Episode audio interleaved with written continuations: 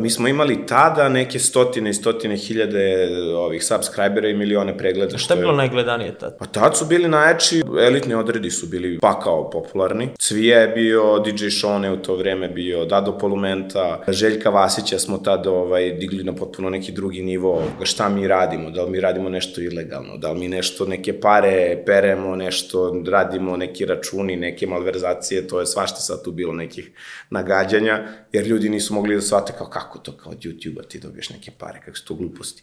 Koliko ste tad naplaćivali spotove? Spotovi su bile glavni U, da, biznis tad model. su bili ludački ovaj izvor prihoda. Pa recimo prvi spot uh, koji smo snimili je bio, mislim, između 600 i 700 eura i profit je bio nekih 30 i nešto evra ovaj, od tog spota, tako da smo se tu baš obogatili. Uvek smo gledali da spotovi izgledaju bolje, da mi manje zaradimo, da bi, da bi taj progres bio brži i bolji. Momci, pratimo vaš rad već par godina, želimo da kupimo ovaj, procent. I kao, kakve procente? Kao, pa kao čega procent? Pa kao svega, cele firme. Kao. A mi, ono, ja i Đuli se gledamo, brate, ono se neko ovde zajebava, šta se dešava ovde, bre.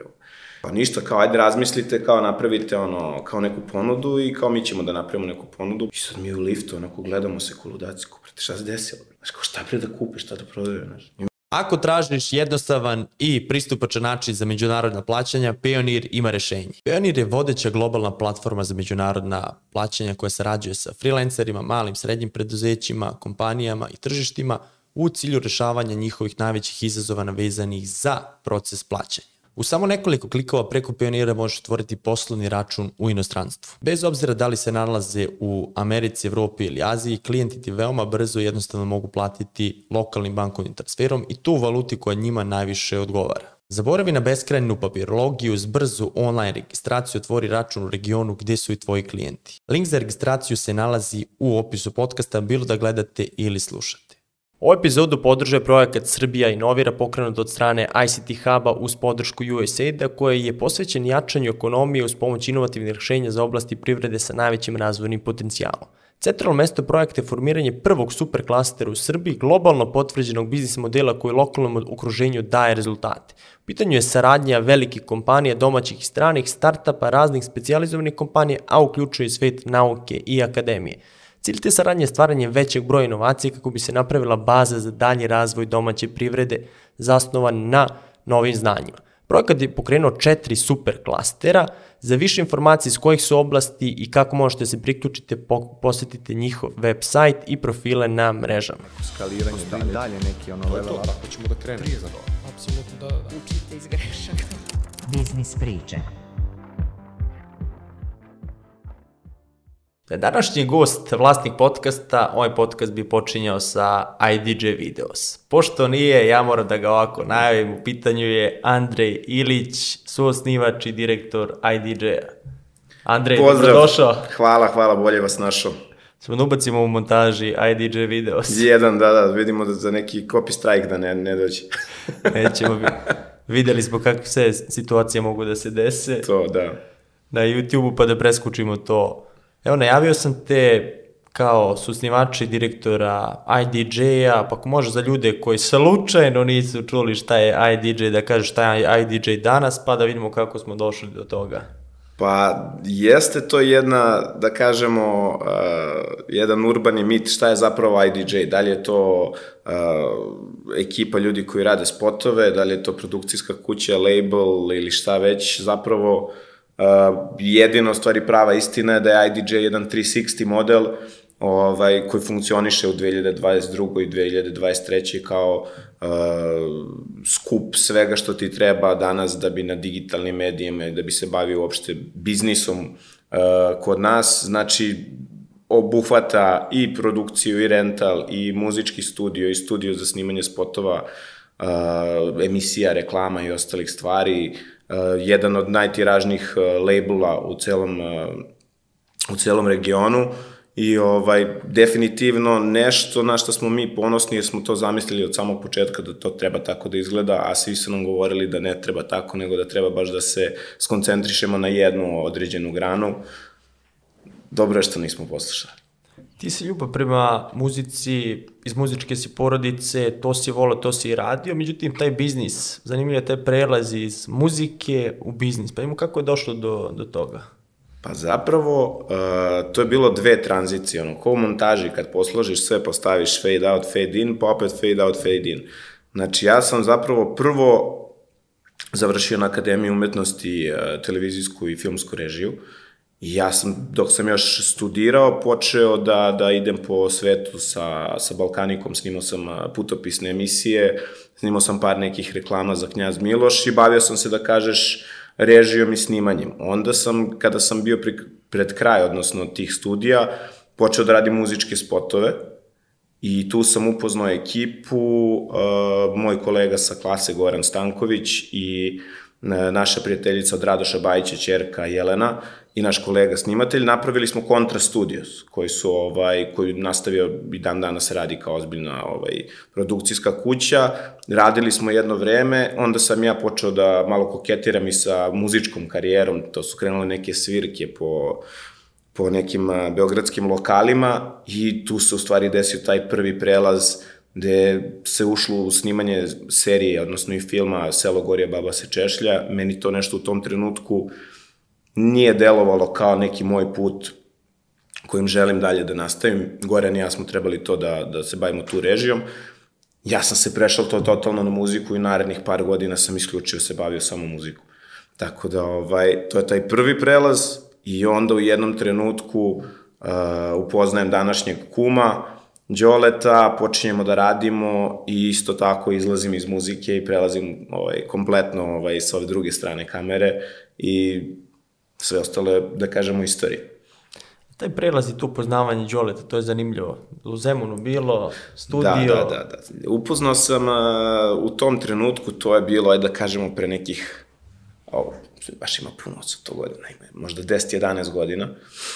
Ja sam tad imao, da kažemo, 26, 27, Uh, Đole je bio nešto mlađi, on imao 22, znači tad smo otprilike počeli da se bavimo, da kažeš, nekom vrstom biznisa. Uh, Uh, Cvija, uh, artist koji isto, sa kojim isto sarađujemo, ovaj, isto toliko godina, deset, kao i sa polovina ove scene koja je sada najpopularnija, mi je rekao, pošto sam ja njemu ispričao da bi prestao da se bavi muzikom, da mislim da sam negde u nekoj stagnaciji, da ne vidim ovaj, sebe dalje u toj priči i da bi se vratio na videoprodukciju. I on meni rekao, e pa imam ja prijatelja, drugara ovaj, sa Galenike, super je kao tip, montira, snima, sve ono, ovaj, one man, one man show, show radi, ovaj, rekao, ajde da ga upoznaš pa kao da vidiš šta i kako.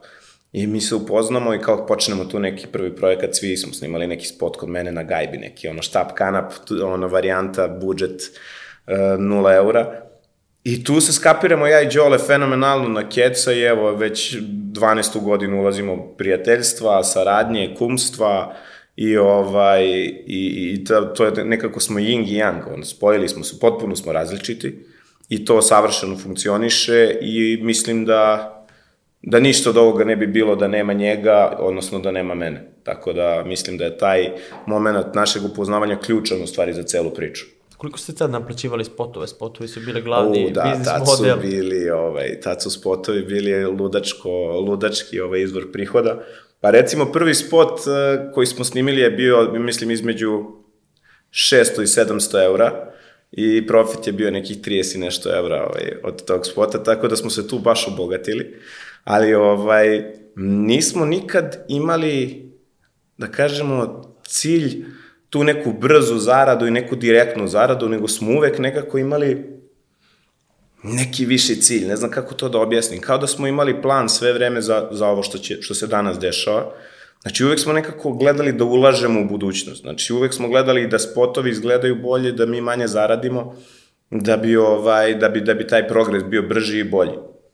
Tako i bilo i ovaj, posle jedno dva, tri spota se desilo da je došao Đole i kaže, slušaj, kao elitni odredi da im snimamo spot a ja došao iz neke potpuno druge priče, malo sam ja i stariji od njih u tom periodu tih nekih 4-5 godina, malo ono, drastičnija razlika nego posle 30. je to sve već uh, nebitna razlika. Uh, ja rekao, pa čekaj, stani, kako sad to, znaš, kao, znaš, pa ne, kao ne veraš, oni su toliko popularni na YouTube-u, to je ludilo, a ja dolazim iz neke pop-rock priče, ono, nemam pojma, ono, tu scenu, ništa mi to nije, ovaj, bilo blisko u tom trenutku i upoznajemo se mi sa njima I ovaj, sad Relja, ono, super, bio onako malo povučeniji nego što je sad, ali ono, cool tip. I Vlada koji je bio onako uvek malo uh, ekstravagantniji u svojim nekim ovaj, uh, nastupima, imao je ovde neki plavi čuperak kao što ovaj, fure Jaca Lukas. I on je došao i rekao, slušaj, znači ja sam Arkan, ona je Ceca. Ja rekao, Đole, molim te, nemoj radimo ovo, molim te, evo, preklinjem te. Evo, sve ćemo da radimo. I ovaj, ubedi mene, Đole, da to treba se uradi. I mi to uradimo i to neki milioni pregleda. To, A to već krenuo YouTube? YouTube je krenuo jako brzo. Ja sam baš gledao, ovaj, um, juče sam pogledao, imamo ta dva najstarija kanala, znači jedan je 10 godina star, drugi je 11 godina star. Znači mi smo faktički YouTube odmah pokrenuli kao, kao mediji, jer ovaj, to nam je bilo kao ultra logično, kao spot, spot ide na YouTube, Na vaš kanal? I da, i klinci to gledaju, a inače, uh, ono što je dosta zanimljivo, što isto ljudi pitaju i ovaj, lome glavu, odakle IDJ, znaš, čega je, čega je to skraćenica i uopšte nije neka pompensna priča. Moja firma se zvala Identity, gde sam ja, ovaj, koju sam ja vodio kao ovaj, videoprodukciju, a Đoletovo se zvala Đolo Videos. I onda kao daj da ga, i onda smo se, ne znam, sigurno se sećaju ljudi da su ranije pisali Identity and Jolo Videos su ovaj, se potpisivali spotovi. I to je bilo baš kretenski predugačko. I onda kao, ajde, kako ćemo kao aj, d, d, pa j, pa aj, d na kvadrat i kao najlogičnija stvar kao iPhone, kao bilo šta, IDJ. I ispade ultra cool ime ovaj, za koje se mnogi pitaju kako šta, u stvari je samo skraćenica dve, dve firme pre toga. Je li tad bila dosta monetizacija na YouTube-u? To je zanimljiva priča. ta priča je ovaj ono presmešna i super zanimljiva jer isto su sve sve to nešto na nekom neko istraživanje u ne, nečem ovaj nepoznatom znaš meni je Đole jedan dan rekao E, kao pričao sam, neki klinac mi je rekao kao da od YouTube-a kao može da se, da se zarađuje, kao da ti YouTube plaća. Ja sam kao, brate, kako da ti plaća YouTube, što bi ti plaćao, brate, to je ono free of charge, ono, platforma, znaš.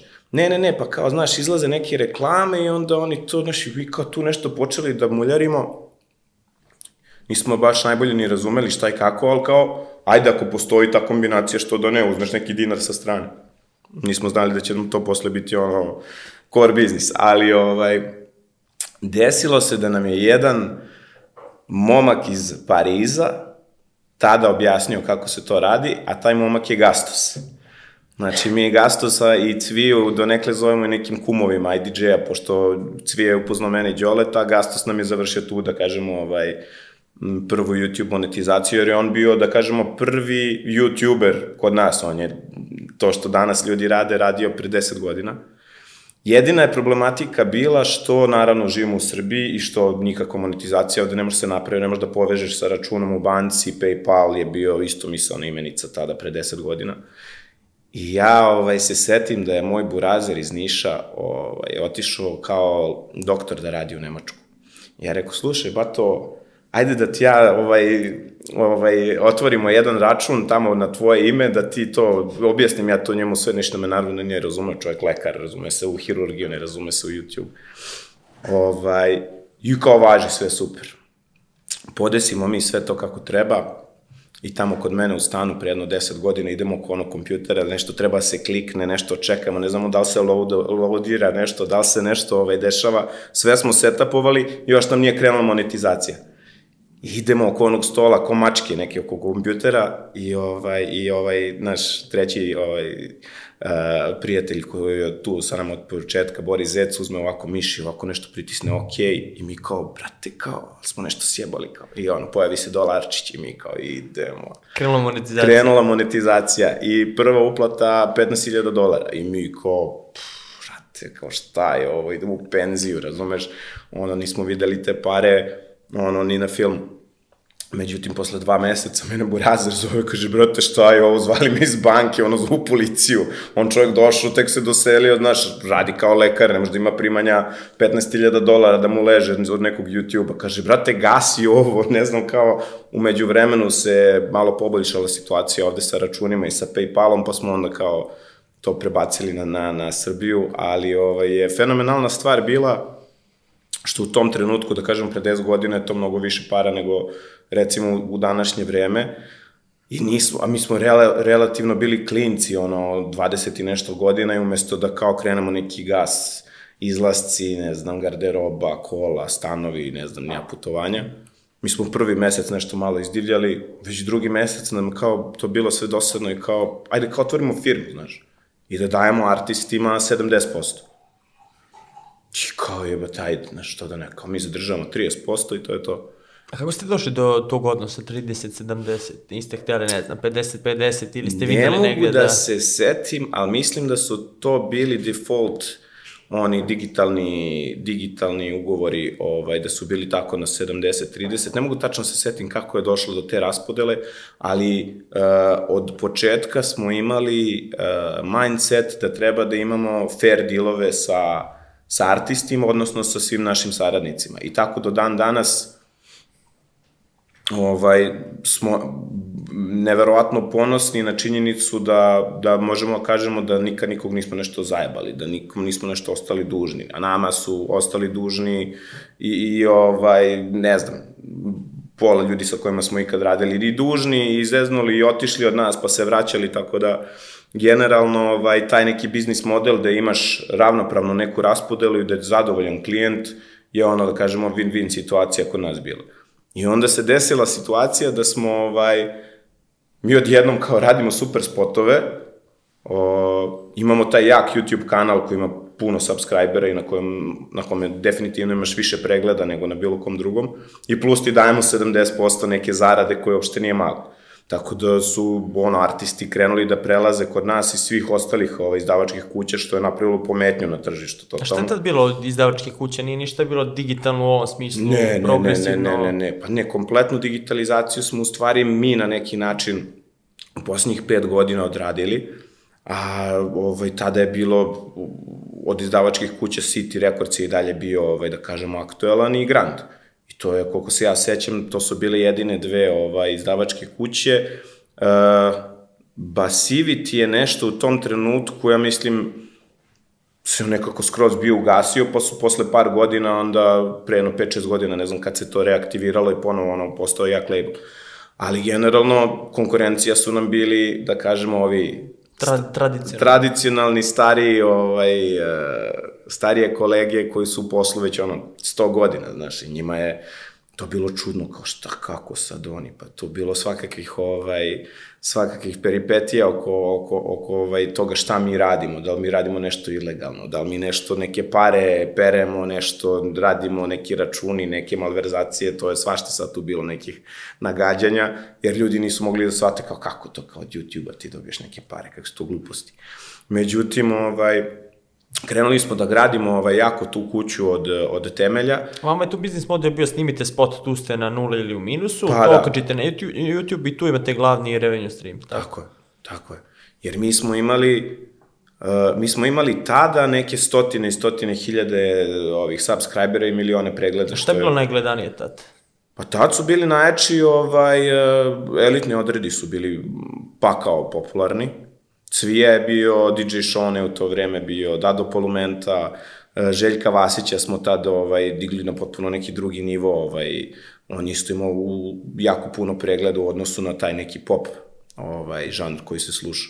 Ne mogu se setim da sam nekog sad nepravedno ovaj, uh, tu zapostavio, ali generalno MC Stojan, da kažemo, ovaj, koji je potpuno iz neke, da kažemo, šaljive priče ušao ovaj, u muzičku industriju kao ono, legitimni entertainer koji čovek zna šta radi i neverovatna stvar koliko je, koliko je, koliko je on imao taj njegov drive za uspehom je ono neverovatno, ne možeš da ne uspeš razumeš u bilo kom poslu, za što god da radi on toliko da se cimaš oko nečega ovaj, napravit ćeš posao. Tako da je bilo tu par uh, tih nekih ljudi sa kojima i dan danas sarađujemo, što mi je ovaj, jako drago.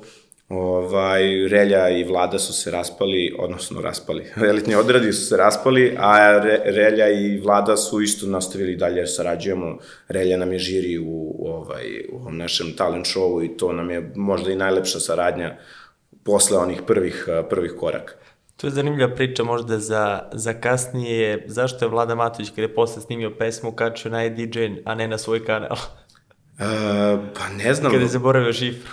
A to, pa moguće, da, da, da, ali ne verujem da je, ne, ne verujem da je to pravi razlog. Vlada je, vlada je, napre, vlada je ovaj, veliki mega car, ja njega mnogo volim, ovaj, ali treba da mu se uđe u trag šta je, koji mu je plan, šta kako. I mi imamo sa njim poslednji spot kad smo snimali do, do samog eh, trenutka dok se nije pojavio, on je govorio da se neće pojaviti na tom snimanju, da ipak je odustao, znaš, i onda je došao i snimio spot i sve je bilo super. Ali prvi njegov spot, posle, posle raspada elitnih odreda, ovaj, je prošao fenomenalno.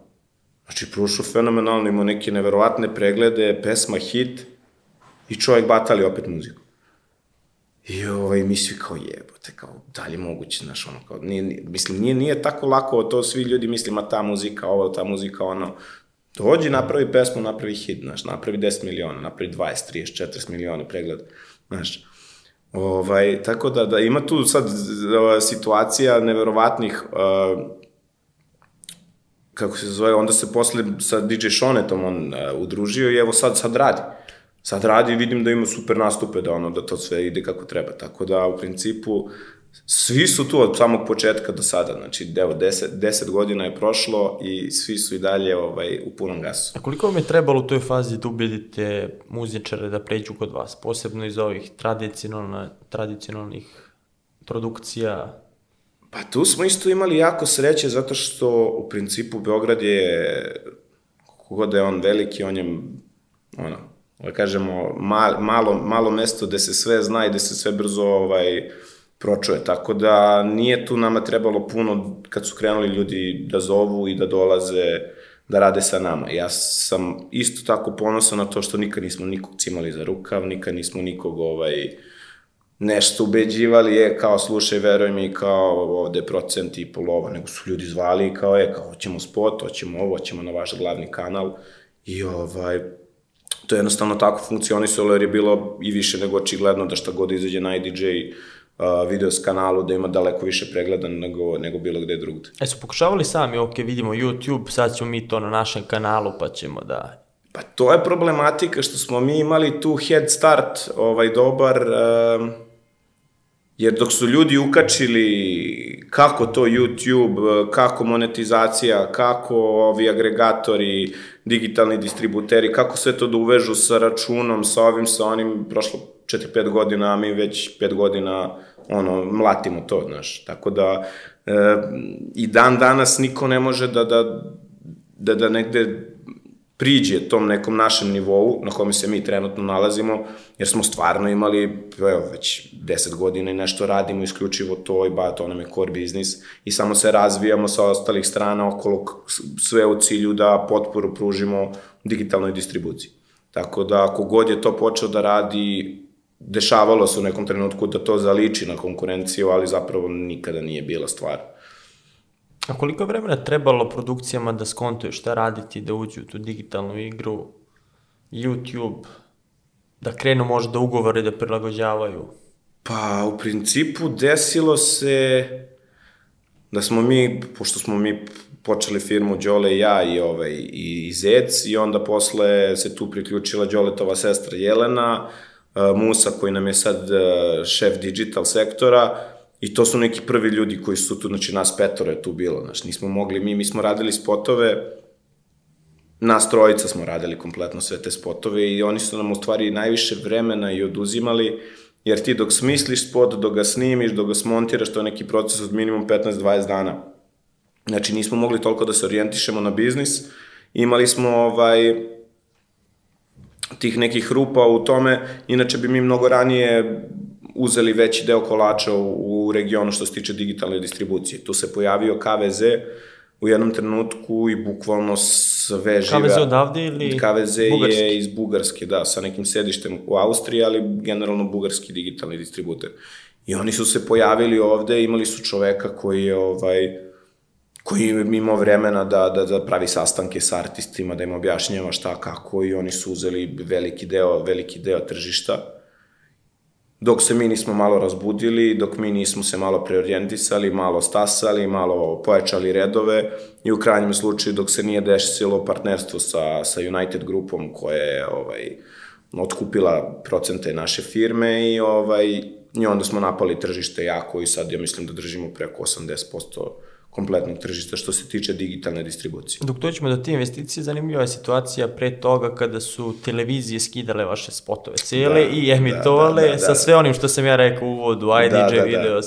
Da, pa Pink Music nam je napravio stvari najveću reklamu. Oni su ovaj, uh, skidali kompletne spotove ovaj, sa, sa YouTube-a i onda ti gledaš Pink Music i nas, pošto svaki drugi spot, ako ne i po 3-4 za redom su bili ovaj, iz naše produkcije, nisu skidali šif, ovu šifru, ovaj, špicu nisu ski- skidali. A mi smo imali tu karakterističnu ovaj, uvodnu špicu koja je dan danas takva da se ono čuje, ajde će vidos, on je šapat glasom. I to je bilo ono na svakih dve sekunde ti čuješ IDJ videos na nekom dosta gledanom u tom trenutku muzičkom kanalu, jer pre jedno 7-8 godina to je bio jedini muzički kanal koji se gleda. Tako da ovaj, bilo je bila jedna anegdota, uh, Radna Manojlović je radila neki spot sa nama i valjda je bila premijera u Gran, na Grandu ili gde već i ona izađe da peva playback i krenemo, ajde, DJ videos, i ona kreće se smeje, svi kreću na neki live program, je rekao, dobro, ljudi, ajde, bre, ono, bre, naučite da isečete, bre, tu pesmu, hvala na reklami, ali ovo je već previše, znaš, ovo je već sprdnja postalo, tako da, ovaj, hvala im na tome. Znači, to je bio dobar boost i onda dolazimo do te situacije. Kako ste došli, to jest ušli u partnerstvo sa United Medijom? Pa to je, ovaj, U kojoj to godine je bilo? to je bilo pre, da kažemo, To koliko šest, tada? šest, sedam godina, znači to je neka 2015. 2016.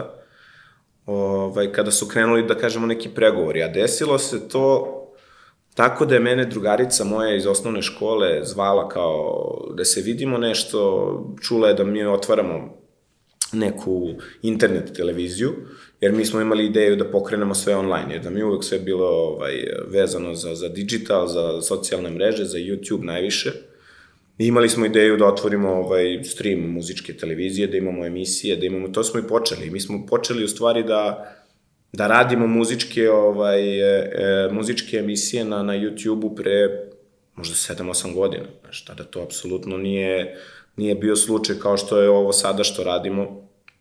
Ovaj, imali smo čak i Big Pizza nam je bila sponsor u tom nekom inicijalnom periodu, Tako da smo imali neki plan da sve, sve držimo na, na, na YouTube-u i eventualno smo imali ideju da damo SBB-u kanal kao ono, za džabe da, da, da ovaj, samo da budemo na, na, na kablu.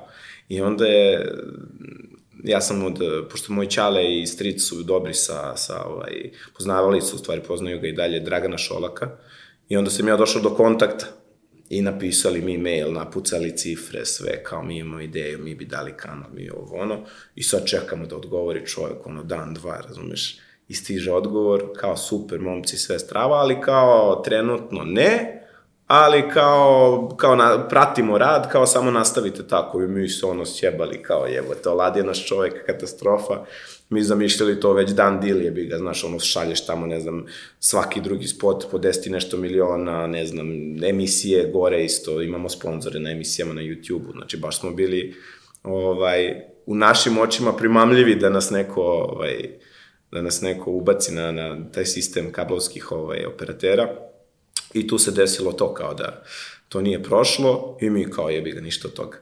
I kažem ti par godina kasnije, možda dve, tri godine kasnije zove ta drugarica mene i njen uh, muž radi u Net TV u Net TV-u, pa su mislili nešto za dijasporu možda da ubacimo. I onda nešto se tu ovaj, ušli u kontakt sa njima, nešto se viđali, kao ajde, I ovaj kaže, e, znate šta, ipak kao žele sastanak sa vama kao ovi moje, ove moje gazde. kao. Ja rekao, pa dobro, kao šta, kao, pa ne znam, kao oni hoće da se vide s vama, pa kao, ajde da napravimo sastanak tamo kod njih. Mi dolazimo sad tamo u United grupu, potpuno ono, United Mediju, sad više ne znam ni kako se to u tom trenutku ovaj, zvalo. Dolazimo ja i Đole, penjemo se ono neke kancelarije ludačke, nešto ono ko u filmovima. Sedamo za sto i sedamo ovaj, e, sa Aleksandrom i sa, sa ovaj, e, Suzanom, u tom trenutku ne znamo ko su žene, ne znamo ništa, oni su tu kao na nekoj bitnoj funkciji, prvi put ih vidimo i nešto kreće neki small talk kao šta ste planirali, pa mi kao muzička televizija, oni nešto nas tu kao lade u smislu, ma kao, muzički kanal ne može da prođe, nije muzički kanal nije gledan, ne treba to da radite, nije vam to, to ništa, ovaj, što je nama interesantno, ja rekao, u jednom trenutku sad kao, svali nas na sastanak i sad nam tu nešto nas spuštaju u smislu kao, ništa to što smo mi planirali ne valja. Ja rekao, ali kao, baš, kao, što, što, što, ste, što ste nazvali, znaš, kao, koja je poenta ovog sastanka? Pa ne, kao mi smo mislili te vaš kontent, spotovi, to da emitujemo na našim kanalima, rekao, pa možete da emitujete to, to nisu naši spotovi, to su spotovi od artista, oni su producenti, oni su platili, to je ono, u principu manje više njihovo, ono, dobit ćete dozvolu i to je to. I to je nešto krenulo potpuno, u nekom potpuno bez veze smeru, i u jednom trenutku kaže Aleksandra, kao ajde da pozovemo Viku. I dolazi Vika i mi sad ne znamo ni ko je Vika, ni šta, posle saznajemo ovaj, da su to glavni ljudi u, u grupaciji i Vika seda i kaže momci, pratimo vaš rad već par godina, želimo da kupimo ovaj, želimo da kupimo kao procent. I mi kao, kakve procente, kao čega sad, znaš, ono, potpuno priča iz, iz desna u levo. Pa kao čega procent? Pa kao svega. Cele firme, kao. A mi, ono, ja i Đule se gledamo, brate, ono se neko ovde zajebava, šta se dešava ovde, bre. I mi kao, pa dobro, kao ništa, kao ajde razmislite, kao napravite ono, kao neku ponudu i kao mi ćemo da napravimo neku ponudu, pa kao, i sad mi u liftu, onako gledamo se koludaci, ko, brate, šta se desilo, brate? Znaš, kao šta pre da kupe, šta da prodaju, znaš. I mi onda smo ušli ovaj, u te pregovore, kao i onda smo mi maštali sad koliko, koliko košta, koliko košta procenat IDJ-a, znaš, jak je brend, sve, ali u tom trenutku poslovanje se sastojalo tu iz x nekih stvari, oni tu spotovi su uglavnom bili neki cash i tako dalje, mislim to je sad u tom nekom biznis svetu nije bilo kao baš tako lako uspostaviti tu neku ovaj vrednost kompanije. I ovaj, onda smo mi ulazili u te neke uh, PNL-ove i ostale stvari i ovaj, futurističke planove kako to financijski može da se razvija i došli do neke cifre, dogovorili se, ono, mi smo bili iz fazona, dobro, mogu je to malo i više, a onda su nam objasnili, ne, poenta je u izlazu kada se, kada se bude prodavao ovaj, e, ostatak procenata, da to bude ono kao money shot, a ne ovo da izgubite entuzijazam i volju za radom sad kao uzmete neke milione i kao šta kao, ko će da radi sad ono sa punim bankovnim računom, ono, na pun stomak što bi rekli. I ovaj, i kažem ti, tada se desilo ta, ta akvizicija koja je trajala ovaj, i ono 6-7 dobrih meseci ovaj, i onda smo radili otvaranje televizije, to je bilo onako baš pompenzno. I onda smo jednostavno preskočili jedno 200 stepenika i o, bukvalno porobili celu, celu, ovaj, celu scenu i sve, sve što smo mogli uzeli, jer realno nigde nisu bili bolji uslovi nego kod nas. Je li to bilo poenta, to jest jel ste tako vidjeli partnerstvo, da se ubrzate toliko da presko, preskočite 200 koraka i da osvojite to tržište? Jeste vidjeli to u startu ili je to tek kasnije? Pa došlo? jesmo, mi smo generalno i tražili neke investitore, imali smo par nekih ovaj, ponuda pre toga, trebala nam je ta, da kažemo, finansijska inekcija i trebala, trebala nam je, da kažemo, neka zaleđina, jer mi nemamo veze ni sa kakvim, da kažeš, režimima, nemamo nikakve veze sa politikom, niti sa nekim drugim stvarima. Mi smo bili u tom trenutku neki klinci koji to nešto rade i ušli su na neku ničiju zemlju, ovaj, što je jako bitno u tom trenutku, jer da da su ljudi odmah ukačili o čemu se tu radi oko te YouTube monetizacije i to mi ne bi imali nikakvu šansu, nego kažem ti, jedno pet godina ljudi nisu imali blage veze šta je to, niko se nije bavio time, niko nije radio to digitalizaciju kataloga, kanala, ostalih stvari, znači niko iz, ovaj, iz biznisa to nije znao. I kada se desilo uh, to da smo mi jurili da neko uloži novac, kažem ti, imali smo baš sa, sa Đoletovim nekim e, rođakom iz Amerike, koji je neki milioner, ovaj, isto neki George, koliko se ja sećam da se zove, radili smo call sa njim i on nam je isto rekao kao ne, ne, ne, ne možete da se vi bavite i digitalnom distribucijom i rentalom i videospotovima i ovim i televizijom, znaš, kao morate kao da imate usmerenu, usmerenu energiju na jednu stvar da bi to bilo uspešno, znaš, i onda ni sa kim nismo našli taj zajednički jezik ovaj, dok se nisu pojavili ovaj, ljudi iz grupe koji su prepoznali tu potencijal puni, to je bilo ono, u tom trenutku jedina prava stvar. Jesu se mešali sad u uređivačku politiku, u smerove gdje ćete da idete? Vi ste imali neku viziju. Koliko su vam tu menjali viziju, usmeravali vas? Pa ja mislim da je to najbliže onome kako bi mi to najviše voleli da je bilo. Znači, e, mešali su se u smislu oko nekih finansijskih i ostalih stvari koji nisu naš fah, da kažemo. Sve vezano za uređe, uređivačku politiku i vođenje kompanije su ostavili nama, što mislim da isto bio pravi potez, jer oni, oni su i ušli u saradnju uh, sa nama zato što je to neka grana koju oni do tog trenutka apsolutno nisu imali i nisu pokrivali. I onda smo mi što se tiče te neke digitalne strane rasli zajedno. Tako da je to bila win-win situacija i za jedne i za druge. Iako smo mi njima u sistemu možda neka firma koja ne donosi najveće prihode, mi smo ne znam koju godinu za redom najbrže rastuća kompanija u toj, u toj celoj ovoj filijali i o, definitivno smo dosta zanimljivi jer smo nekako neka je mladalačka energija, gde radi se o nekoj, nekoj zabavi, o muzici, nema politike, nema nekih ono, tu negativnih konotacija i ostalih stvari, tako da smo baš onako clear, clear kompanija koja ovaj, uglavnom samo donosi dobre rezultate. Koliko sad ima ljudi? Ja, sad pre, pre nego što nam krene ovaj, pre nego što se zahukta ova Sezona. sezona 2 IDJ showa, ima nas tu od recimo 50 do 60 ljudi konstantno u, u, firmi, ali kad krene ovaj show to bude još plus 100 ljudi, znači to je totalni haos onda, ali meni se sviđa to kad je kad je kompletno puna, puna firma, jer je to ono, totalno, ne znam, kao, kao neka suluda ogromna familija gde su svi ono, naloženi na to što rade i da su svi ono uvek u nekoj frci, nekoj panici, uvek je nešto ono pozitivna neka nervoza.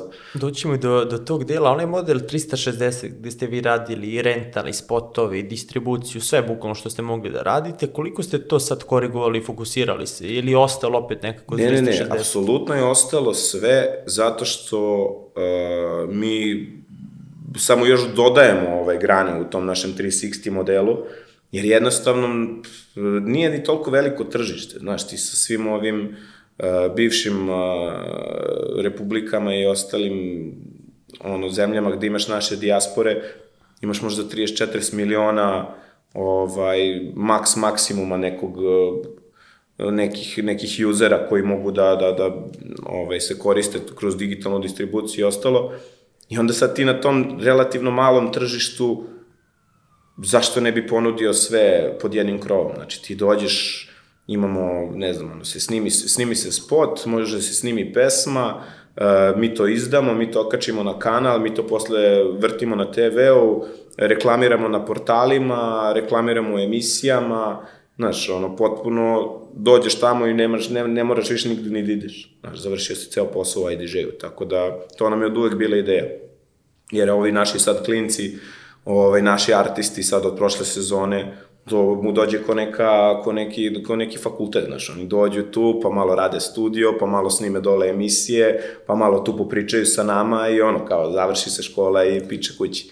Tako da, ovaj, kao neka akademica malo to funkcioniše. Tako da u principu samo dodajemo još grane, nikako se ne fokusiramo, ovaj, nama će uvek biti digitalna distribucija, da kažemo core business, ali sve ove ostale stvari okolo, ovaj, pospešuju taj, taj biznis, tako da to sve funkcioniše fenomenalno. A kada ste se pozicionirali IDJ, kada se pozicionirao kao label, koliko ste uticali na tržište da sad nastoji novi label, da ljudi vide da je to moguće, ajmo sad i mi to da radim. Koliko ste pogurali u tom smeru Pa tržište? jako, mislim, čak u sadašnjem trenutku mislim da postoje jedno, dve, tri televizije koje su totalni ono copy-paste uh, IDJ TV-a, pa onda... Ne samo televizije, već i Pa ne, kompletan, kompletan, kompletan taj neki sistem, ovaj, ljudi su pokušali da imitiraju taj sistem jer su videli da je to izuzetno, ovaj, da je to izuzetno uspešno, ali uh, završavali su na nivou, da kažemo, pojedi, ono, jedinki kao artista. Znaš, imaš, uh, kod nas imaš i tekako u regionu artista koji imaju jake YouTube kanale ali to nije label, znaš, ako oni to nazivaju label, oni sami sebe izdaju, ali oni šta god su radili za neke druge, to nema taj impakt. A šta je label ako sad imamo više umetnika na tom kanalu? Pa da, label je ono izdavačka kuća u smislu, klasi, u klasičnom tom smislu, samo što ima plus te neke digitalne primese. Ali label je ono, dođe ti artist, dogovorite se oko izdanja trake, to ide na naš ili njegov kanal koji je u našoj mreži, mi to distribuiramo, to se prodaje Spotify, Deezer, ne znam, iTunes i tako dalje. Ove, emituje se na televiziji, imaš gostovanja, znači kompletan jedan servis dobiješ za bilo kog ono muzičara da da promoviše svoje svoje svoje trake, svoje stvari. A koji su kanali kod vas u mreži? Ili imate neke pod labele? U, pa imamo, imamo, ja ne znam sad, sad sa ciframa, ovaj, nisam updateovan, ali imamo Ali od ovih, naprijed, novih generacija Z, je generacija Z je kod nas, ne znam, Made in Balkan je kod nas, uh, ovaj, KDM je kod nas, Grand je kod nas, City je kod nas, znači svi A šta su na znači našoj, to je kod nas? na našoj digitalnoj distribuciji. Aha. Znači, na našoj digitalnoj distribuciji, to je ono što sam rekao, preko 80%, da kažemo, uh, muzičkog sadržaja mi distribuiramo preko, preko naše ovaj, distribucije, tako da, tu se ljudi u stvari i bune, znaš, jedno je label, label je izdavačka kuća, znači ti kao artist dođeš i izdaš svoju pesmu za mene. A digitalna distribucija ti možda budeš uh, i autor emisije podcasta, i možda budeš youtuber, možda budeš šta god. Ti dođeš kod mene da ti ja uvežem kanal, da dobiješ tu monetizaciju i ja sam ti u stvari digitalni distributor. Ja distribuiram tvoj sadržaj, naplaćujem ga, uzimam procenat i tebi A koja je dajem. tu razlika sad, da li oni rade to posebno distribuciju za sebe ili da ide preko vas? Pa razlika je u, u e, to je ono što stalno pričamo ljudima, razlika je u tom ekosistemu koji kod nas jednostavno vuče je cirkularno, jedna, jedna, stvar vuče drugu. Znači ti kad dođeš na kanal recimo koji ima 3,7 miliona subscribera i izdaš pesmu i spot, e, mnogo će ti veći reach biti, odnosno mnogo će ti veći pregledi biti nego da uradiš to na nekom kanalu tvom od 100.000, Ne, ne, 50.000. to mi je jasno, ali sad, na primjer, naveli smo da distribuirate i Grand e, ovo što, i ove ostale koje ste rekli. U pitanju da su direktni dilovi jednostavno uh, i nema sad tu neke ogromne razlike u samim tim distributerima koliko ima u tome uh, koji je distributer pravi za tebe. Znači ti možeš da radiš sa nekim uh, Nemcima, s nekim uh, Amerikancima digitalnu distribuciju, ali ti njega kad uh, imaš neki problem na kanalu ne možeš da okreneš u, u 12 uveče i da mu kažeš aj da vidimo, probamo, ode mi sadržaj, oš- otišla mi emisija. Znaš, jednostavno je bolji, bolji pristup da to radi neko što bi rekli u tvom gradu, u tvojoj zemlji, znaš. Da, pa evo primjer, na primjer sad podcast, ja sam radim distribuciju, da kažem, na Spotify, na YouTube i ostale mreže, sad koja je razlika da to ide preko vas? Uh, Iz ugla korisnika. Bolji su dilovi. Bolji su dilovi. Bolji su dilovi. Znači možete da utičete i na Veći deo kolača dobiješ, da. CPM, na YouTube-u, Da, da, da. Mi imamo, digi, uh, imamo direktne dilove sa Deezerom i sa, i sa Spotifyom i imamo, ovaj, imamo specijalne dilove sa YouTubeom u tom nekom smislu. Imamo neki mnogo direktni odnos sa njima, znaš. U principu, uh, nisu sad to neke, da kažeš, uh, razlike koje su sad u nekom startu neverovatno očigledne, ali na duže staze, recimo lupam, kroz nekih pet godina monetizacije svog sadržaja bi video veliku razliku. Vama je bilo zanimljivo, posebno kada si rekao u prvoj fazi da ste dobili prva uplata od YouTube je bila 15.000 evra, što je velika cifra, tada je CPM bio fiksni, je li tako? Da, to je isto bila priča koja ono, za malo nas nije ono, uh, ugasila i naterala da se ne bavimo više time, jer kad su krenule te cifre da, da pristižu, mi smo pravili neke projekcije u odnosu na, na te iznose.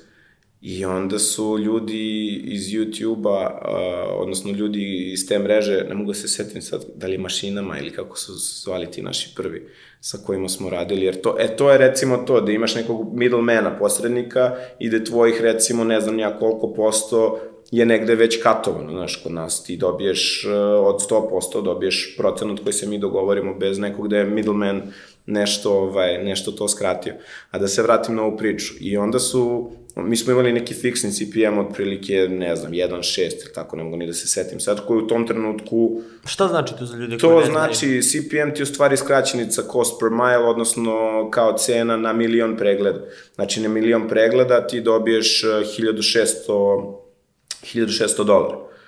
I ovaj, e, to je poprilično ok, CPM, pogotovo za ovaj naš region, ali da kažemo negde su bili i po 5, 6, 10, ono dalje neka Amerika, zavisi u kom trenutku se šta dešava, ali i tu smo, ovaj, tu smo zadnje, što se tiče nas, na, zadnje rupe na sviralu, ali nekako smo se mi tu iskobeljali jer smo imali ultra veliki broj tih, eh, tih pregleda koji su se ovaj, dešavali, jer ovde ljudi obožavaju YouTube jer im je nekako besplatan i ono, dobiješ uh, dobar experience. I desilo se da smo imali tih nekih 15.000 mesečno i samo nam je stigo mail, sećam se, Đole, ja smo bili na premijeri nekog filma i pričamo tu sa nekim ljudima i on kao, bačka, kao, kao, brate, stigo ove mail, jer, ovo, jer to znači ovo što mislim da znači. I ovako gledam mail i samo ovako graška hladnog znoja kreće, a ovi ljudi nešto pričaju i dalje kreće tu da se gubi ono ton, razumeš, da se ono sve mutuje okolo oni su nama smanjili, oni su u stvari videli da ne možemo da imamo fiksni CPM jer smo regija koja nema dovoljan upliv novca za reklame da bi to ovaj da bi to bilo realna neka cifra.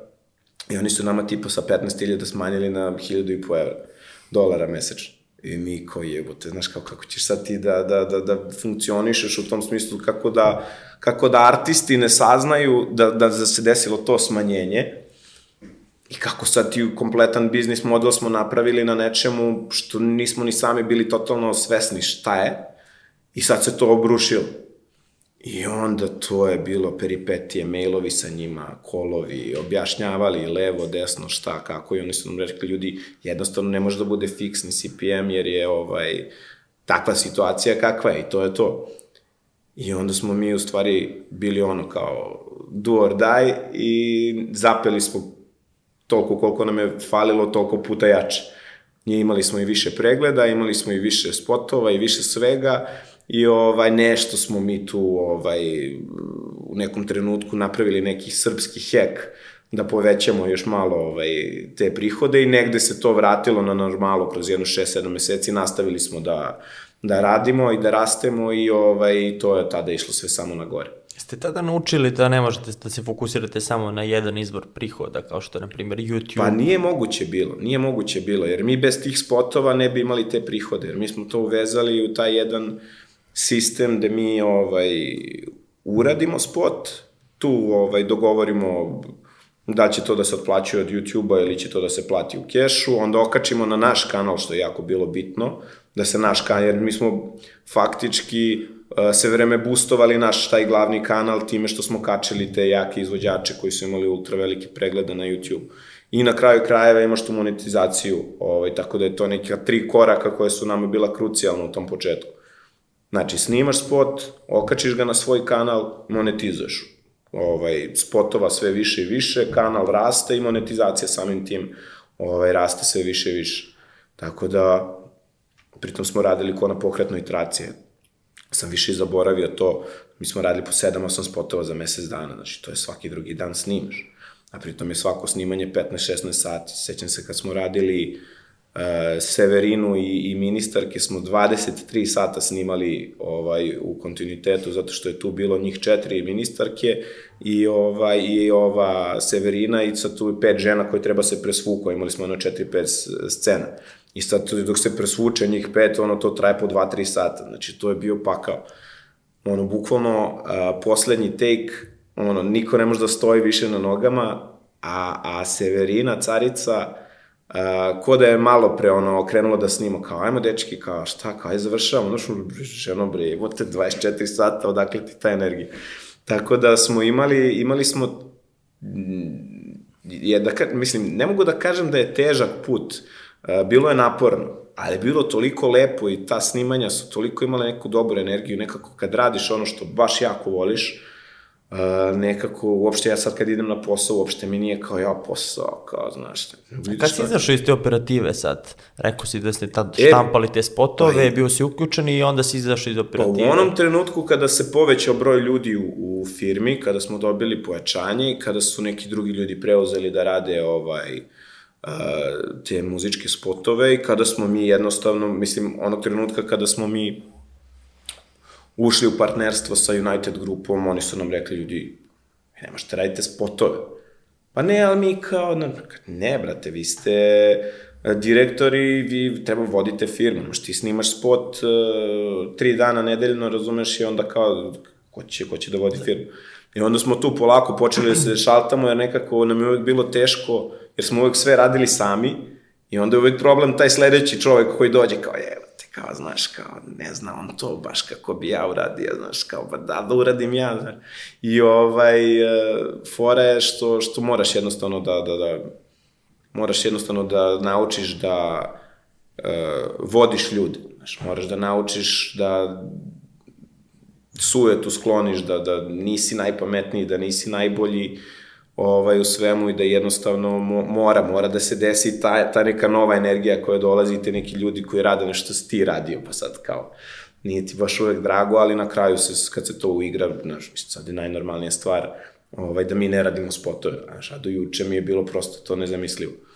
A čuo sam da si direktor IT sektora. IT. Kaže To, da, IT. IT, IT, to da. je rekao ja tvoj kolega, kaže IT. Znaš šta, uh, ja sam takav kakav sam, to je ovaj to je moj uh, neki uh, životni moto je taj koncept. Znaš, samo bitan je u životu, bitan ti je koncept, znaš, vama je bitno ovde da vam je lepo, imate lep pogled, sve vam je super i to je neki koncept uh, da, da, da, budete, da vam energija i da vam raspoloženje uvek bude na nekom određenom nivou. Isto tako i meni u životu najbitnije je ono, koncept kako sam ja tempirao, ovaj, kako funkcionišu stvari. I ako neko ovaj, ima neki posao, nešto radi, naravno da ću ja da radije raspoređujem zadatke nego da ja nešto sam odradim, ali kada dođe do toga da nešto treba se uradi, naravno da, da se i to desi da ja nešto ono, zasučem rukave. Ali zato sam ja u stvari izabrao režiju, jer je režija, da kažemo, neki dirigentski posao. Znači ti to sve osmisliš i onda drugi ljudi to sprovode u delo, odnosno realizuju. Moja pokojna baka je, jer ja sam teo da upišem kameru i kao, to mi je bio cilj, kao upisujem kameru i bit ću snimati. I ona kaže, gde ćeš bre da si vucaraš onu tešku kameru bre da se maltretiraš tamo po kiši i suncu. Ja rekao bre, bako bre, da si luda jebote, pa ja kad završim to, to će budu volcne kamerice, to će bude, kaže, ne, ne, kaže, dobre kamere će uvek da budu velike. I ja upišem režiju. I to je to. Ispostavilo se tačno. Naravno, pa nije ona pogrešila nikad.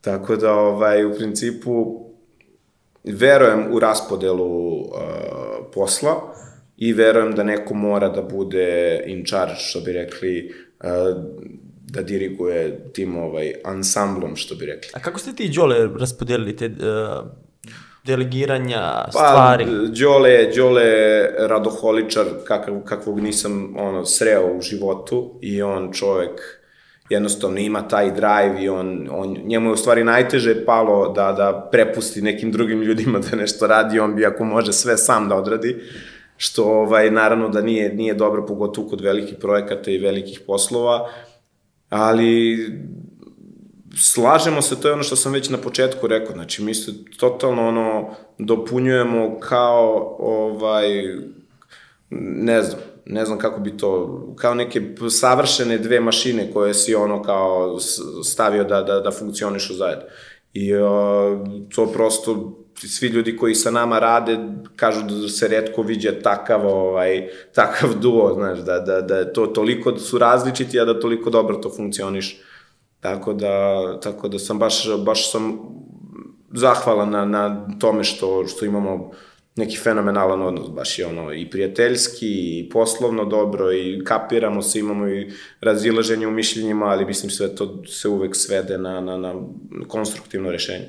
YouTube vam je prvi kanal, koji su vam ostali kanali? E, misliš Po osta... uticaju i po brojkama, Pa sada ti je najbitnije ovaj, definitivno Spotify. Znači od Audija Spotify. Znači Spotify, on uh, polako, on ti recimo u svetu bitniji od YouTube-a dosta za muzičku industriju. Kod nas to ide jako sporo, zato što kod nas uh, sve ide jako sporo. Ali um, taj neki, taj neki uh, trend slušanja muzike kod mladih je uglavnom slušaju Spotify znaš, u, u svetu. Kod nas mladi slušaju YouTube zato što je free, znaš. Tako da se dešava taj, taj switch onog trenutka kad su se pojavili pre jedno ne znam, 4-5 godina kada smo mi krenuli da radimo distribuciju na, na te digitalne, odnosno za, na streaming platforme, to je bilo mizerno, znaš, to niko nije slušao, to su bile neki par procenata zarade, a sada su, ovaj, sada se baš izjednačavaju sa YouTube. Da postoji monetizacija na našem tržištu Spotify? Da, da, da, da, da, postoji monetizacija na svemu, samo je problem je sledeći, zato što smo malo tržište i onda niko od tih velikih uh, streaming servisa ne želi da uđe ovde onako jako, znaš, sa nekim velikim uh, marketinškim kampanjama i da se baš ono, da imaju neki dedicated ono, ljude koji su tu ovaj, za, za balkansku regiju. Nego mi to sve moramo da kažeš preko nekih naših konekcija da da guramo na te Spotify liste, da, da, da dobijamo što bolje plasmane tamo, da to bolje, što, što bolje ulazi u rotaciju. Tako da ima naplate, ali bi mogla da bude daleko veće. Ovi ostali kanali su zanimarljivi? Zanemarljivi, da, da. Znači YouTube, Spotify. YouTube, Spotify, to su ti ono highlightovani trenutno izvori prihoda za muzičku industriju. A kada ste kasnije otvorili, prešli na kablovski TV, kako se to, kakav bi uticaj odnosno na cijelo poslovanje generalno? Imali ste znači do tada YouTube i ostale kanale i sad otvaramo TV, možemo da budemo i na TV-u, kako se to odrazilo na... Pa to je ono čemu sam pričao, znači mi smo dobili, uh, dobili smo taj neki veliki skok koji nas je odma izdvojio, iako smo mi bili u nekim segmentima daleko iznad, iznad ovaj ostalih, ovo je jednostavno zaokružilo priču. Jer kao artist, Uh, potrebno ti je da se pojavljuješ na, na, na, na, na, svim, na svim medijima. Znači, takvo je vreme dana da ti treba i radio, treba ti televizija, treba ti Instagram, TikTok, treba ti YouTube, sve ti treba. Uh, ono što je bitno je da, da smo mi najjači na tom YouTube-u i onda kao to je najjači neki oblik reklame bio, sad je, ajde kažemo, možda je sad neki Instagram ili možda TikTok, to se non stop nešto menja i non stop ovaj, živa je stvar, ovaj, dešavaju, se, dešavaju se razne stvari. Ali ti kad ponudiš artistu, pa na kraju i tom nekom korisniku, da on svog, uh, preko tebe svog artista sluša na Spotify, sluša na Deezeru, gleda objave na Instagram profilima, gleda ga na TV-u, može, ono, može da bira na koji način će da, ovaj, da, da, da, da, da koristi taj sadržaj. Znaš, onda, Je li to veći benefit, da kažemo, pregovorima i kada nudite artistima da će biti na TV-u ili može to da se monetizuje u nekom rangu kao i kanali? Pa mislim, to je ono, to, vraćamo se na onu priču da to je sve u cilju te neke digitalne distribucije. Znači, negde su zarade, negde su, negde su neki troškovi ovaj, te grane, ali na kraju krajeva to sve ide na, na, na, na, na, na jednu stranu, što bi rekli, i razvija se, razvija se sve zajedno. Tako da, e, u svakom našem dilu ti faktički imaš određeni broj emitovanja, određene emisije u kojima se pojavljuješ i tako dalje. Kao naš, naš uh, kao čovjek koji sarađuje sa našom, našom kućom. Ti danas i ekipa možete prepoznate koja će pesma biti hit? Imate neki algoritam za prepoznavanje?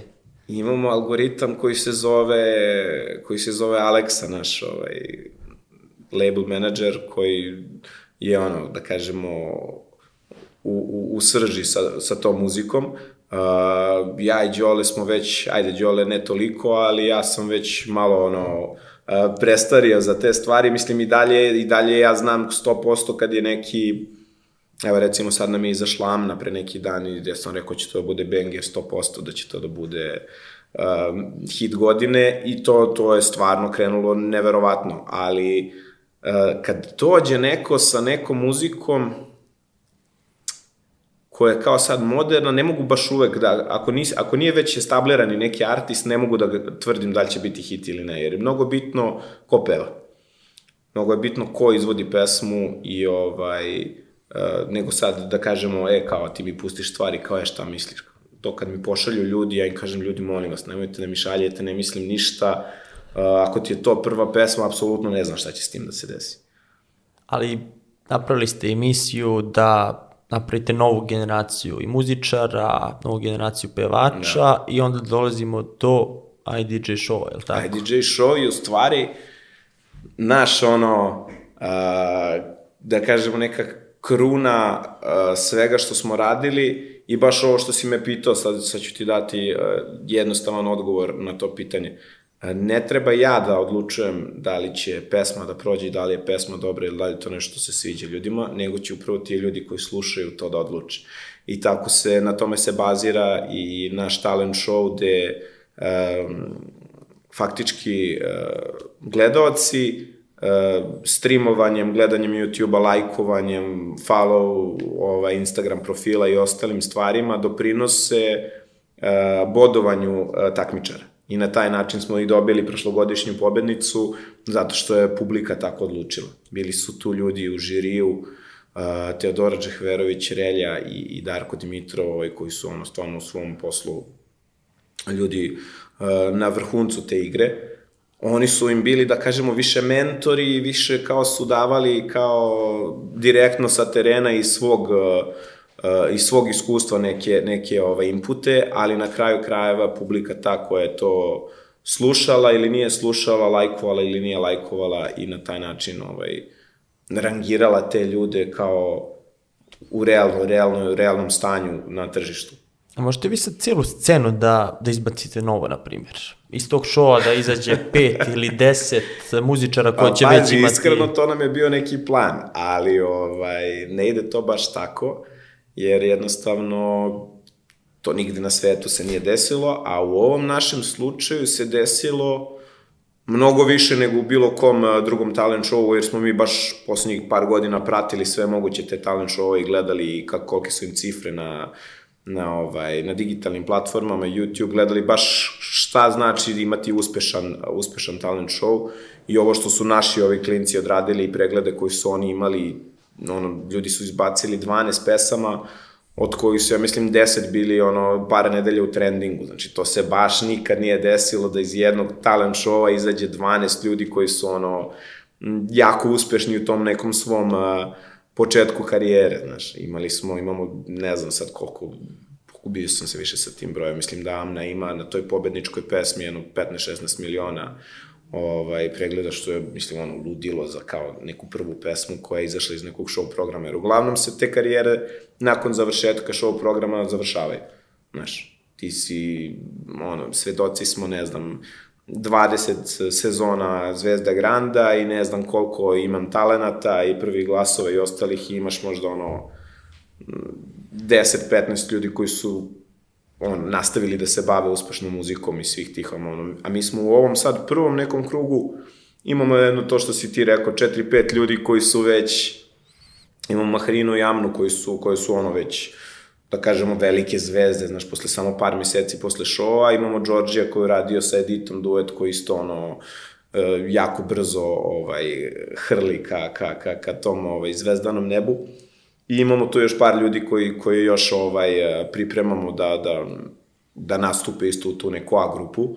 Tako da što se tiče prve sezone, to je, to je prošlo fenomenalno, sad su nam krenule prijave za drugu, Uh, mislim da smo imali 400-500 prijava za, za dva dana, što je ono ludilo, znaš, jer ja mislim da će te, taj konkurs će da traje jedno dva meseca. Znaš, bit će nam posle glavobolja, gde ćemo, šta ćemo sa tolkim, ovaj, sa tolkim prijavama i ljudima. A šta ćete da unapredite odnosu na te prethodne? Naučili ste mnogo, bio je prvenac i šta sad Mm, može pa, drugačije da se generalno, generalno, uh, s obzirom da nam je prvi, prvi projekat tog tipa, imamo mi televiziju i te neke televizijske emisije, ali ovo je ipak ozbiljna produkcija uh, i, i ozbiljna organizacija oko celog projekta. I pr, pr, najbitnija stvar je da smo ga mi smislili. Znači, nije, nije, nije, Nije lic, nije, franci, ili- nije licenca, jer ti sa licencom dobijaš i, ovaj, dobijaš i ono, bukvalno knjigu Šta sme, šta ne. knjigu snimanja gde ti piše sve kako funkcioniše, pošalju ti čoveka koji tamo ovaj, nadgleda da, da ono, supervajzora da vidi kako to funkcioniše, ovako se ovo radi, ovo mora ovako, znači ono, radiš nešto kako, kako, kako je neko već uradio i onda je to malo lakše. A ovo smo bukvalno u toku šova učili neke stvari, onda smo mnoge stvari sad zacementirali, naravno će biti mnogo lakše, jer ovako smo imali akciju da smo ono bukvalno od nedelje za nedelju smišljali kao šta će biti sledeća emisija, znaš, jer se neke stvari malo izmigolje, nešto se malo promeni i ti shvatiš da nešto ne može da se uradi i onda čekaj šta ćemo, kako snimanje sad u četvrtak, a u nedelju, imali smo taj tempo ludački, imali smo četvrtak je snimanje bilo, a u nedelju je bilo emitovanje. Znači, to je bio pakao, pakao. To, mora, to je jedina stvar koju ćemo ovaj, ove godine morati da utegnemo dosta, jer je to bilo baš raspadanje, mada u tom raspadanju ti dobiješ e, neku energiju koja na kraju ispliva potpuno specijalno, znaš. Mada sad ne treba ići na to da se raspadaš pa da bi dobio specijalne energije, nego da to sve funkcioniše kako treba. Tako da za sledeću, uh, za sledeću, uh, sledeću emisiju, sledeći serijal, uh, moramo da upeglamo te neke tehničke stvari, jer to je, mislim, normalno kad prvi put radiš da, da ne možeš da pretpostaviš za nešto.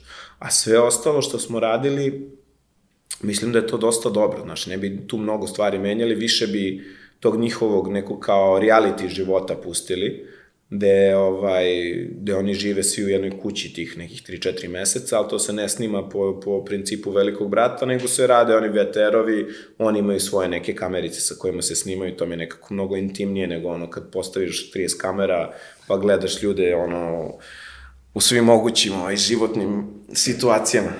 Tako da neće biti mnogo promena, ali ovaj, će biti sve utegnutije i sve će biti malo zbiljnije još.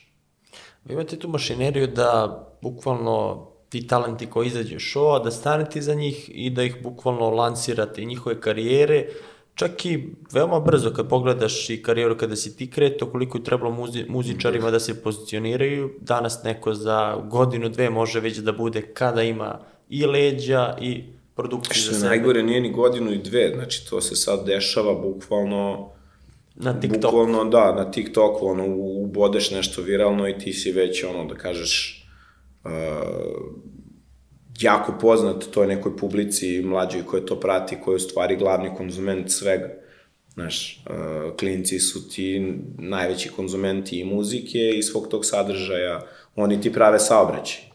Znaš, oni ti prave saobraćaj, oni ti streamuju, oni ti, ovaj, imaju prave watch time i ostalo, znaš, neću ja sad uzmem, ako mi se svidi neka pesma, neću da je slušam sto puta na taj dan, a klinac uzme i bukvalno ceo dan na repeat i pravi ovaj, pravi, pravi posao, znaš. A, a ovo sad što se dešava, u stvari ovo naše je neki kao speed kurs uh, muzičke industrije, znači mi smo ono proveli jednog artista od neke da kažeš audicije gde se nekom kao prezentuje do 12 epizoda, 13 koliko, koliko bude u, u sezoni, gde se on predstavlja kroz tuđe pesme, kroz svoje pesme, rad u studiju, odnos sa publikom, ne znam, slikanja, brendovi i ostalo, Instagram i TikTokovi, i onda ti na kraju šova imaš bre ono, nešto napraviš što se nekad gradilo po 10 godina.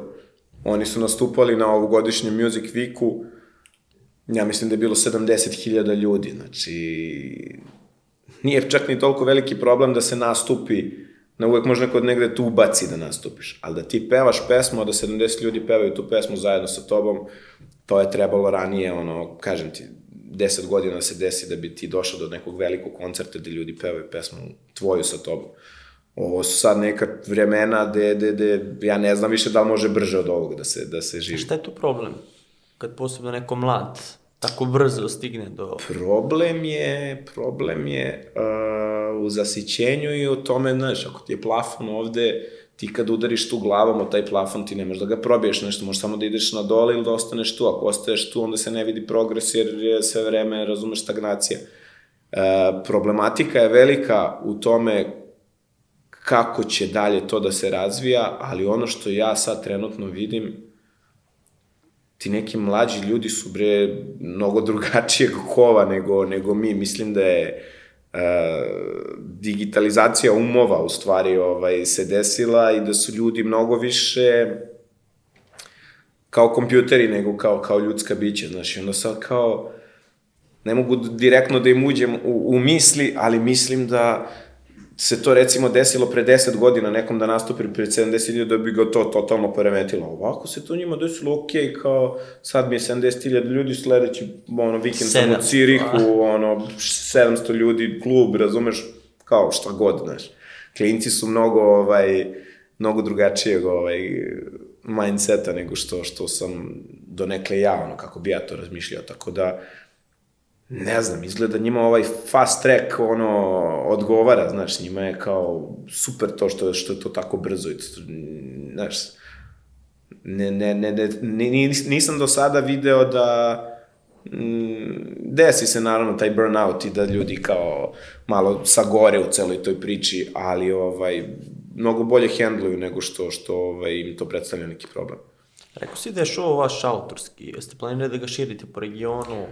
Pa da, to je, to je plan, jer on je onako dosta zanimljiv i dosta je, dosta je drugačiji od tih muzičkih talent, talent show i takmičenja koji, koje smo ovaj, gledali u poslednjih ono 20 godina. Tako da mislim da je to ovaj, jako dobro. Sad posle druge sezone ćemo baš da zakucamo ovaj, tu Bibliju, što kažu ovaj, ta knjiga u kojoj sve piše kako se to radi po PS-u i onda mislim da, da, da će to da bude više nego primamljivo nekim, nekim zemljama da, da se napravi IDJ show negde drugde. Pogotovo što IDJ show, recimo neko englesko ili nemačko ili gde već, nije, nije povezan sa IDJ-em ovde, u smislu ti ovde kad kažeš IDJ imaš kompletno jednu sliku o glavi šta je to. IDJ kao ime je nekako internacionalno, znači nešto da bi bio IDJ show u nekoj drugoj zemlji, sasvim okej. Okay. Pored ovih digitalnih stvari otvorio si i kafić. Kako si to Kako si došao do toga? To mi je uh, naj, najslabija tačka u životu, to ugostiteljstvo me ubi. Ovaj, nisam nikad nešto planirao preterano da se bavim ugostiteljstvom, a nešto me prati svih ovih godina, ovaj, uh, ne mogu, ne mogu da, da, da pobegnem od toga, ali uh, na kraju krajeva taj konkretno ovaj kafić koji sam otvorio je nešto što sam ja možda zamišljao kad sam bio mlađi, pre jedno 15 godina, kada bi imao neki lokal, kako bi on izgledao. I onda je, sam to manifestovao i napravio sam bukvalno posle kad sam, kad sam ga otvorio sam shvatio da, da, da sam je otvorio stvari nešto sam želeo kao klinac. A uopšte nisam u tom trenutku bio svestan toga. Tako da taj kafić ima gomilu nekih glavobolja koje imam uh, svakodnevno, ali kao i uh, sve u svom životu ne bi ništa, ne bi ja to mogu da mogu da vratim vreme, ne bi ništa menjao. To si ostavio za dečaka u sebi. Pa ne, to je jednostavno mesto, mislim, to je na kraju krajeva mesto gde sam ono upoznao i, i sadašnju ženu. To sa... moramo da napomenemo, da si smederevski zet. da, da, da, da. Jesam. I Keva moja je živjela tamo dugi niz godina i evo sad ovaj, e, moja žena iz Smedereva, tako mi žena, to mi skroz ono, uopšte, kad vidim ruku kod da je tuđe sa ovom burbom, ali ovaj, navići ću se valjda u, u skorije vreme. Uh, kažem, mnogo lepih stvari je doneo taj lokal, u gostiteljstvu, u gostiteljstvu je jedan posao, mislim, to moraš da se baviš ono, 100% time kao i svakim poslom u krajnjem slučaju, ali uh, sve je to okej. Okay. A kako balansiraš ili kako kad pričamo o tom balansu porodičnog eh, i poslovnog života, kako to Pa iskreno nemam pojma kako ja to sve uradim. Majke mi, ja, ja, ja ovaj, volim da napravim te neke planove da za jedan dan, ovaj, ne znam, odem do Niša, odem do Koponika, odem do firme, odem do lokala i kao vodim ženu i dete kao da se šetamo, ne znam, pored reke. Znaš, to je u mojoj glavi uvek kao, pa šta kao može tu dva sata ovamo, dva sata ovamo. I tako mi u stvari ceo život koncipiram veliki, da kažemo, problem u celoj toj organizaciji što ja poslednjih par godina živim na Kosmaju, uopšte ne živim, ovaj, e, ne živim u gradu ili trudim se da živim što manje u gradu, jer mi grad maksimalno ne odgovara, da. I imamo jedan onaj zaobilazni put sa autoputa kad dolazim samo preko Konjarnika, Pančevački most, pa u firmu i isto tako bežim od centra grada, gužve, parkinga i ostalih stvari. Tako da mi je to pravilo malo problem u smislu treba svaki dan doći, nije to sad ni ovaj puno vremenski, mnogo ti je teže pređeš most ka Novom Beogradu ono, u toku dana i mnogo više vremena oduzme. Ali ovaj, napravio sam sebi neki taj koncept života koji mi jako odgovara, taj život, da kažemo, u prirodi, eh, rad u firmi koja mi je, ne znam, kao, kao ono, kao da dolazim, ne znam sad kako da objasnim, kažem, nemam taj osjećaj kao da idem na posao, stvarno idem tamo mi rade ne znam, i najbolji prijatelji, i ljudi koje volim, i ovaj, i svi smo negde tu nekih sličnih godina, možda sam čak ja jedan od starijih tamo, tako da je baš ono, opušteno i uvek je neka dobra energija i nekako mi to sve nekako sa nekom, sa nekom posebnom uh, posebnom energijom odrađujemo sve, sve te neke stvari koje se tamo dešavaju, u stvari su ono kao big deal, znaš. Mi završimo neki show, program koji je ono visoko budžetni u svakom smislu i ne znam, ogromna produkcija i sve i kao na kraju krajeva smo ono kao, ok, kao tu smo se nešto kao zezali, nešto smo kao radili, nešto smo kao mi izmislili neki show, nešto snimili, a ono tamo, ne znam, ono stotine miliona. A to ono što te vozi, ti novi projekti, nešto da, što nije da, uhodano. Da, da, da, da, da. Uvek se desi to, na svakih par godina se desi nešto što nas malo ovaj, razdrama i malo ono, da li je to neka konkurentska firma koja kreće da dahće ono za vratom ili je to neki problem ili je to neki novi projekat, uvek mora da se desi nešto jer i problematika je to kad si daleko iznad svih, kad nemaš tu neku ozbiljnu konkurenciju jer kao ulenjiš se, uspavaš se, znaš, onda kao radiš po defaultu neke stvari dnevne, a ne razmišljaš o nekom progresu u tom nekom smislu. Mi sad ovaj, plan u narednih par godina nam je naravno taj show, plan nam je da se širimo malo ovaj, ka Bugarskoj, da se širimo ka, ka Grčkoj, da vidimo sad i šta je što je još od tržišta što može da bude kompatibilno sa, sa, sa našim podnebljem i sa našim nekim... Rekao si da je Bugarska baš tu, što je tiče jest, ukusa i... Jest, jest, zato što tamo imamo, da kažemo, dobru logistiku ovaj, inicijalnu, tako da uh, to je sledeća stanica, uh, pošto ovde, mislim, generalno Balkan smo ono, po, po prilično pokrili. Uh, Bugarska je onako po senzibilitetu dosta slična nama što se tiče muzičke industrije, tamo se dosta sluša naša muzika. Tako da je to neka spojka koja, koja može da funkcioniše. Komentarisali smo kad si spomenuo firmu da se ne vidi odavde sa Beograđanke, da, da, tako da, da, da sledeći cilj da se... Da se izdigne malo, da, ne, mislim, ovo kod nas sve ide u širinu, ali ovaj... Sad se vidi iz ove perspektive, pa... Da, da, da, da, da, da, da, da, ovo mi se baš dopada. Možda neko istoreno odeljenja i DJ ode negde da u komšiluk stavimo. Da, da ubacimo. To, to, Za kraj, možeš neku anegdotu koja je tebi posebno zanimljiva ili sa snimanje, ili iz tih saradnji sa muzičarima? Pa ne znam sad šta bi mogo da izdvojim, to je sad ja kažem mi, mi ovaj beneficirani radni staž treba da imamo ovaj sa sa ovaj sa čime smo se sve susretali ono ovaj, sa kakvim glavama A šta ti je bilo najteže ajde kad, kad si to spomenuo taj radni staž beneficiran šta ti je bilo najteže u tom poslu ili u karijeri? E, najteže, najteže je kad imaš recimo lupom 4-5 sastanaka u toku dana gde ti već na trećem sastanku ono ispiju svu energiju. Ljudi su Energetski vampiri. Energetski vampiri, pogotovo pogotovo ljudi koji nemaju nešto mnogo obaveza, artisti imaju taj neki raspored, pa ono, imaju te nastupe vikendom, ono, snimaju, ovaj, snimaju, da kažemo, pesme, ono, kad snimaju i onda ostatak vremena su, ono, manje više slobodni. Znači, Mogu da onda, ti se posveti. I onda imaju neke fiksacije i tako neke stvari, što je sasvim okej, okay, mislim, ali ono, kad imaš šest nekih takih sastanaka dnevno,